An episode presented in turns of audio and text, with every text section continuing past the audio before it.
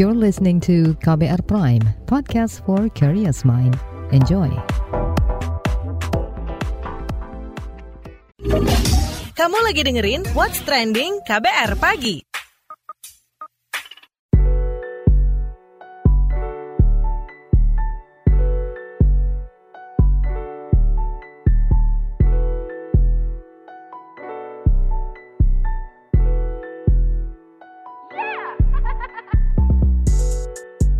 KBR Pagi, siaran pagi radio paling update. Selamat pagi, apa kabar Anda hari ini di hari Jumat 25 Maret 2022? Kembali lagi saya Don Brady menjadi teman pagi hari Anda semuanya. Pagi ini kita ngobrolin soal salju abadi yang terancam punah.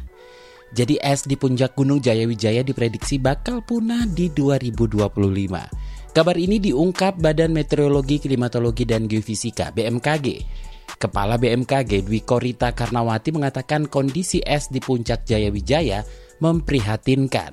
Kata dia, berdasar penelitian BMKG, area es di puncak Karstens hanya tersisa satu persen. Menurutnya dari 200 km persegi sekarang hanya tersisa 2 km persegi.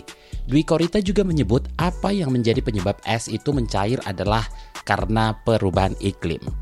Puncak Jayawijaya ditemukan pertama kali oleh pria asal Belanda bernama Jan Karstens pada tahun 1623. Karena penemuan itulah puncak Jayawijaya lebih dikenal di dunia dengan nama Karstens Pyramid karena jasanya menemukan gunung yang terletak pada daerah tropis namun diselimuti es menjadikannya sangat unik dan jarang ditemukan. Namun sayang salju abadi yang jadi julukan es di puncak Jayawijaya itu diambang kepunahan. Sebelum kita bahas lebih lanjut, kita dengerin dulu komentar warganet plus 62 berikut ini.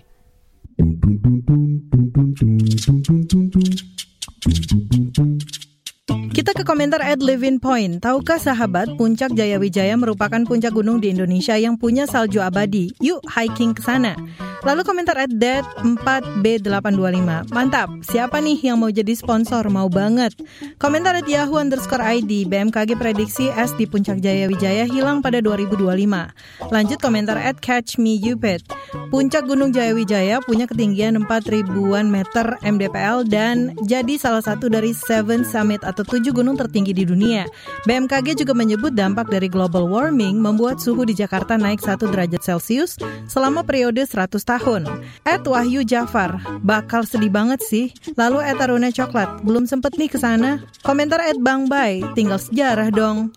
Komentar Ed Halimahalku, jangan dulu ya Allah, belum pernah ke sana. Komentar Ed Rahmalinde, wah belum juga naik ke sana, udah mau punah aja. Dan terakhir komentar Ed T underscore this, I'm sorry but it seems that nobody cares. We're busy getting money and more money every day. Let someone else taking care of it. What's Trending KBR Pagi. Kita lanjutkan obrolan kita pagi ini. Jadi Kepala BMKG Dwi Korita Karnawati dalam rapat dengar pendapat RDP dengan Komisi 5 DPR di Kompleks Parlemen Senayan, Jakarta hari Senin kemarin mengungkap kondisi es puncak Jayawijaya yang terdampak perubahan iklim. Berikut penjelasannya apabila kita tidak melakukan mitigasi terhadap perubahan iklim, terjadi lonjakan kenaikan suhu udara dibandingkan dengan suhu udara pada zaman pra-industri, yaitu 1850 yang menjadi baseline, akan meningkat mencapai 4 derajat Celcius. Jadi ini empat kali lipat dari pemanasan yang terjadi saat ini. Saat ini sudah mencapai di beberapa wilayah satu derajat Celcius, ada beberapa wilayah masih di bawah satu derajat Celcius. Namun kondisi yang mendekati satu derajat Celcius saat ini terbukti mengakibatkan kejadian ekstrim semakin sering, intensitasnya semakin meningkat dan durasinya semakin panjang. Apalagi kalau melompat empat kali lipat. Dan selain itu, penyusutan gunung es puncak Jaya Wijaya yang diteliti oleh BMKG diprediksi tahun 2025 es itu sudah punah sudah tidak ada di puncak Jaya Wijaya lagi. Dan saat ini kondisinya tinggal satu persen luas area es di puncak Jaya dari 200 km persegi, ya sekarang tinggal 2 km persegi. Nah, puncak Jayawijaya atau lebih dikenal dengan nama Piramida Karstens dapat dikatakan sebagai tujuan trekking yang sangat menantang. Sebagai salah satu dari tujuh puncak tertinggi di dunia, tak heran trekker yang datang lebih banyak dari luar negeri. Nah, sekarang kita mau ngobrol bareng Ketua Dewan Pengurus Nasional Kelompok Pecinta Alam Stapala, Erni Murniasi. Bagaimana nih teman-teman pendaki menyikapi ini? Kalau buat kami ya, ini kan glacier di pegunungan Jayawijaya ini merupakan salah satu glacier tropis yang langka ya. Cuma ada beberapa di dunia gitu kan. Selain Papua juga cuma ada kalau nggak salah tuh di pegunungan Andes sama di Kilimanjaro. Nah, jadi memprihatinkan ya tentunya buat kami, terutama para pencinta alam gitu, karena fenomena menyusutnya glacier ini di puncak Jayawijaya kan berarti membuktikan bahwa perubahan iklim gitu ya, pemanasan global ini tuh ada gitu loh. Dan ini tentunya pasti akan berdampak kepada Indonesia juga gitu. Dampaknya tentunya misalnya dengan naiknya air laut gitu ya dan udah pasti ya kalau prediksi itu benar gitu ya, wah di 2025 kita uh, udah pasti nggak bisa ngelihat salju abadi lagi nanti di Kartens Piramid dan di Pegunungan Jayawijaya gitu. Arti puncak Jayawijaya bagi kalian? Kartens Piramid ini merupakan kebanggaan buat kami ya, buat para pendaki pencinta alam Indonesia karena merupakan salah satu dari Seven Summit dunia itu ada di Indonesia, ada di Papua. Dan sebenarnya gini, kalau untuk para pendaki gitu ya, dengan adanya medan bersalju ini, kita bisa lebih karena ini kan bagian dari latihan juga gitu. Jadi misalnya kalau kalau para pendaki yang memang punya keinginan untuk exposure yang sifatnya ekspedisi Seven Summit dunia gitu, pendakian ke Kartens Pyramid ini menjadi salah satu ajang latihan yang sangat bagus banget karena selain ketinggiannya sudah mendekati 5000 ya karena kan Kartens Pyramid itu ketinggiannya 4884 mdpl. Nah, dia juga masih ada glacier yang salju gitu ya sehingga kami bisa latihan bagaimana menggunakan krampun, bagaimana kita juga beradaptasi di cuaca yang dingin dan dengan ketinggian seperti itu gitu. Jadi buat kami ini kebanggaan sekali dan memang mimpi ya. Salah satu mimpi dari pendaki gunung-gunung di Indonesia itu untuk bisa mendaki Puncak Jaya dan Kartens Piramid gitu. Nah, adakah upaya yang ingin kalian lakukan? Bicara mengenai perubahan iklim ya, ini kan memang terkait dengan pemanasan global dan ini nggak bisa dihadapi oleh Indonesia itu sendiri. Tapi setidaknya menurut saya Indonesia bisa menyumbang kontribusi gitu ya untuk menurunkan pemanasan global yang nanti akan berakibat pada penurunan iklim gitu. Misalnya janganlah hutan-hutan itu ditebangin gitu ya. Terus kemudian lahan juga jangan dibakar sehingga berpengaruh pada suhu yang sangat memanas gitu kan. Dan menurut saya gitu, upaya-upaya untuk pengurangan gas rumah kaca itu sebenarnya bisa dilakukan oleh siapa aja gitu. Action aja dulu, sekecil apa pun itu. Misalnya gini ya, untuk kalangan individu nih, kami pendaki misalnya atau pencinta alam itu sebenarnya kita pun juga bisa berkontribusi untuk mengurangi uh, pemanasan global ya. Misalnya, mulailah misalnya dengan kita mengelola sampah rumah tangga sehingga tidak mencemari tanah dan air. Kemudian juga lahan-lahan pertanian yang digarap oleh petani bagaimana caranya supaya bisa tidak menggunakan pestisida yang bisa mencemari tanah dan air misalnya. Kemudian juga kita sebagai kaum urban gitu ya, memang panas di Jakarta itu panas misalnya, tapi kita bisa kurangi penggunaan air condition karena ya kita tahu bersama ya penggunaan uh, air condition itu kan tentunya menggunakan CFC atau freon ya yang bisa merusak ozon gitu. Jadi memang langkah-langkah yang kecil action dari kita sebagai individu, saya sebagai individu masyarakat itu juga penting gitu. Bayangin kalau misalnya saya melakukan itu terus kemudian saya tularkan kepada anak saya, kepada keluarga saya dan sebagainya itu kan bisa berdampak kepada golongan yang lebih masif gitu ya. Dan juga saya pikir juga untuk pemerintah misalnya, upaya-upaya untuk pengurangan gas emisi yang nanti terkait dengan konsumsi masyarakat itu ya menurut saya perlu diseriusin gitu ya. Misal kalau kita bicara mengenai mobil listrik gitu kan, ya coba diseriusin oleh pemerintah gimana caranya supaya bisa memberikan campaign yang baik supaya masyarakat aware dan juga bangun infrastruktur yang memadai sehingga kita ya sebagai rakyat itu memang mau beli kendaraan yang ramah lingkungan gitu. Jadi upaya-upaya seperti ini memang sebenarnya nggak bisa dilakukan sehari dua hari aja gitu. Tentunya butuh edukasi yang terus menerus, reiterate message, campaign gitu ya. Saya sering mendaki gunung gunung dan saya selalu campaign zero waste gitu pada saat saya mendaki gunung. Saya pada saat membuat vlog misalnya, saya juga berupaya untuk campaign clean up your waste, jangan buang sampahmu di gunung dan sebagainya gitu. Dan emang menurut saya campaign-campaign seperti itu juga perlu diajarkan ya kepada anak-anak sedari kecil. Jadi itu bisa membuat mereka tuh membentuk sebagai values. Nah ini yang saya rasa itu masih kurang di Indonesia. Kita kita masih ber, berharap saja kepada pemerintah atau kepada kalangan yang sifatnya luas gitu ya. Tetapi dari sisi responsibility kita sebagai sebagai masyarakat sebenarnya juga bisa untuk membantu uh, mengurangi efek gas rumah kaca tersebut. Dan tentunya ini para petinggi-petinggi Indonesia dan juga seluruh dunia kan akan berkumpul ya untuk yang isu G20 dan sebagainya itu uh, please tidak hanya dari sisi talking about numbers gitu loh. Pemanasan global ini tidak hanya mengenai numbers, tidak hanya konkret lah apa yang memang bisa kalian lakukan untuk secara adaptif itu bisa dilakukan dan bisa membantu untuk pengurangan pemanasan. Terima kasih Ketua Dewan Pengurus Nasional Kelompok Pencinta Alam Stapala, Erni Murniasi. Newsbeat.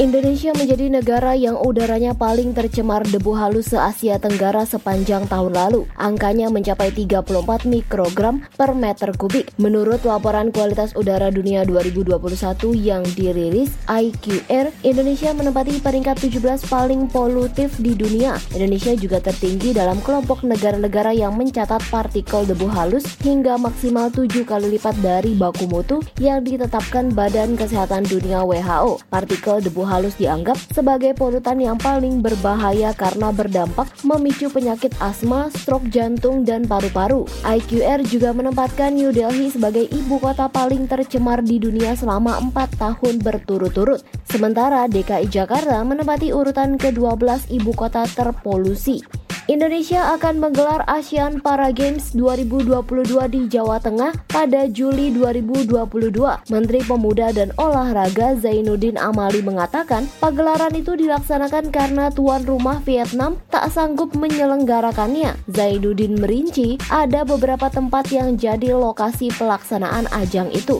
yaitu Surakarta, Sukiharjo, dan Karanganyar. Dalam perhelatan ini, Indonesia mempertandingkan 14 cabang olahraga. Zainuddin Zainuddin pun menargetkan juara umum dalam ASEAN Para Games 2022 ini.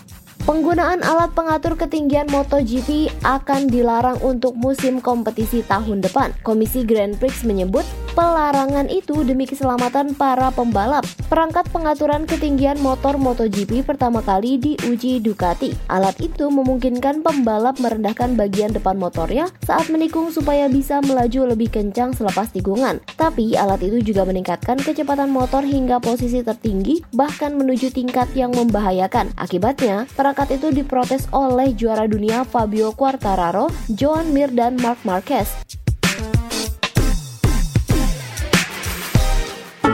What's Trending KBR Pagi Salju abadi yang terancam punah itu yang kita obrolin pagi ini. Jadi bagi organisasi lingkungan hidup Greenpeace, peran publik sangatlah penting untuk menyuarakan soal dampak perubahan iklim agar pemerintah lebih keras melakukan upaya mitigasi. Lebih lanjut kita ngobrol bareng peneliti iklim dan energi Greenpeace Indonesia, Haflah Leste Distinca. Oke, respon Greenpeace bagaimana nih terkait kondisi es di puncak Jayawijaya? Bisakah laju pencairan ini ditekan? Pencairan es di puncak Gunung Jayawijaya itu sebenarnya kan salah satu fenomena dari krisis iklim yang disebabkan oleh pemanasan global ya. Jadi sebenarnya kalau ditanya bisa bisa gak sih laju pencairan itu ditekan bisa banget caranya dengan tadi mengurangi pemanasan yang terjadi saat ini gitu. Karena kalau data dari lima tahun terakhir sih kan kita kita tuh selalu berada di puncak terpanas gitu kan dari sepanjang sejarah kita ada di dunia gitu suhu suhu lima tahun terakhir ini emang yang paling panas kayak gitu. Ada yang bisa Indonesia lakukan untuk menyelamatkannya? Sebenarnya bisa banget. Jadi faktor pemanasan global itu sebenarnya kan karena emisi gas rumah kaca ya yang disebabkan oleh laju industri. Kalau pemerintah mau menyelamatkan nggak hanya puncak es Gunung Jayawijaya sebenarnya tapi seluruh situasi krisis iklim yang lagi kita hadapin yaitu caranya dengan memotong emisi gas rumah kaca. Kalau Indonesia sendiri sebenarnya kan sudah berkomitmen ya secara internasional dia punya target NDC untuk berkontribusi mengurangi mengurangi gas emisi ini gitu secara dalam negeri dan dengan bantuan internasional. Tapi ini perlu kita lihat lagi nih implementasinya upaya pemerintah sejauh mana dan seserius apa soal memotong gas emisi ini kayak gitu. Oke, punya peran apa sebagai anak muda meski kita tinggal jauh dari sana? Jelas suara publik itu penting ya. Secara individu dan perannya di masyarakat kita bisa ikut bersuara dan bergabung dengan aksi-aksi kolektif gitu sehingga pesan dan tujuan yang ingin kita capai untuk mengatasi krisis iklim ini lebih lebih punya power yang besar untuk sehingga pemerintah terdorong dan membuat kebijakan mitigasi iklim yang pasti untuk menangani permasalahan krisis iklim ini kayak gitu. Nah, mengapa kita harus peduli? Kerugian atau dampaknya apa jika punah? Berdasarkan laporan IPCC working group yang kedua sih, pemanasan global ini kalau misalnya kita nggak bisa menurunkan suhunya dan bumi terus memanas gitu ya, seluruh makhluk hidup ini tanpa terkecuali bakal terancam punah itu satu dari yang di darat sama sampai yang di dasar lautan gitu dan karena suhu yang terlalu panas juga nggak akan ada ruang hidup yang layak sebenarnya untuk untuk kita tinggali karena itu bakal menyebabkan bencana dan kekeringan di mana-mana. Jadi kenapa kita harus peduli? Ya karena bumi adalah rumah kita kan ya, dan hanya ada satu bumi gitu. Jadi ketika misalnya analoginya adalah misal ketika rumah kita kebakaran, ya kita perlu mencoba berbagai cara untuk menyelamatkannya, nggak bisa tinggal diam karena kita nggak akan punya rumah lagi kalau misalnya buminya rusak. Terima kasih peneliti iklim dan energi Greenpeace Indonesia, Haflah Leste Distinka. What's trending KBR pagi? Commercial break. Commercial break.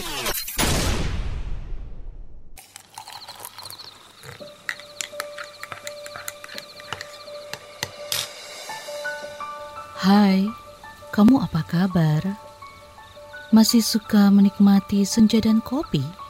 Aku masih ingat kebiasaan kita. Sehabis pulang kerja, selalu mencari tempat untuk sekedar ngobrol dan ngopi. Tapi kadang kita kehabisan bahan obrolan. Aku masih melakukan hal yang sama sampai sekarang tanpa harus takut habis bahan buat ngobrol karena aku selalu mendengarkan KBR sore dari Senin sampai Jumat jam 4 sore. Ah, aku rindu. KBR Inspiratif Terpercaya.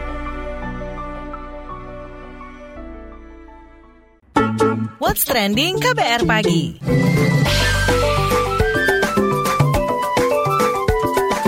WhatsApp Indonesia. WhatsApp Indonesia dimulai dari Jakarta. Presiden Joko Widodo ingin agar perajin dan UMKM sektor kerajinan terus berkembang. Kepala negara lantas mengajak masyarakat mencintai produk-produk asli buatan Indonesia, terutama produk kerajinan. Pada Rabu kemarin, pameran produk kerajinan terbesar se-Asia Tenggara, Incraft 2022 telah dibuka oleh Presiden Joko Widodo. Incraft merupakan pameran kerajinan terbesar se-Asia Tenggara. Tahun ini, In Minecraft diikuti 722 peserta dan akan berlangsung hingga 27 Maret nanti di Jakarta Convention Center Senayan, Jakarta. Ketua Asosiasi Eksportir dan Produsen Kerajinan Tangan Handicraft Indonesia, Muhsin Ridjan berharap Incraft bisa membantu meningkatkan ekonomi masyarakat. Masih dari Jakarta, Kementerian Pariwisata dan Ekonomi Kreatif bertekad akan terus mengembangkan pariwisata kesehatan atau wisata medis. Menparekraf Sandiaga Uno mengatakan pengembangan wisata medis akan bekerja sama dengan Ikatan Dokter Indonesia IDI. Berdasarkan data yang diterima kementeriannya, Sandiaga mengungkapkan ada kebocoran ekonomi sebesar hampir 1,2 juta wisatawan atau 699 ribu pelaku wisata medis di Malaysia yang ternyata justru berasal dari Indonesia. Kebocoran itu menurut Sandiaga harus segera ditanggulangi. Karenanya wisata medis wajib dikembangkan dengan berfokus pada pariwisata kesehatan, pariwisata olahraga dan kebugaran serta Indonesia Pariwisata Sains. Selain itu, Kemenparekraf juga akan mengembangkan program percepatan melalui sertifikat yang nantinya bakal berperan untuk mengelola wisata kesehatan di Indonesia. Terakhir, mampir ke Solo, Jawa Tengah. Pemprov Solo mengungkapkan kelangkaan dan mahalnya harga minyak goreng berdampak pada pengusaha mikro dan kecil. Wakil Wali Kota Solo, Teguh Prakosa mengatakan, selama ini banyak pedagang yang menggantungkan kehidupannya pada minyak goreng sebagai bahan baku dagangan.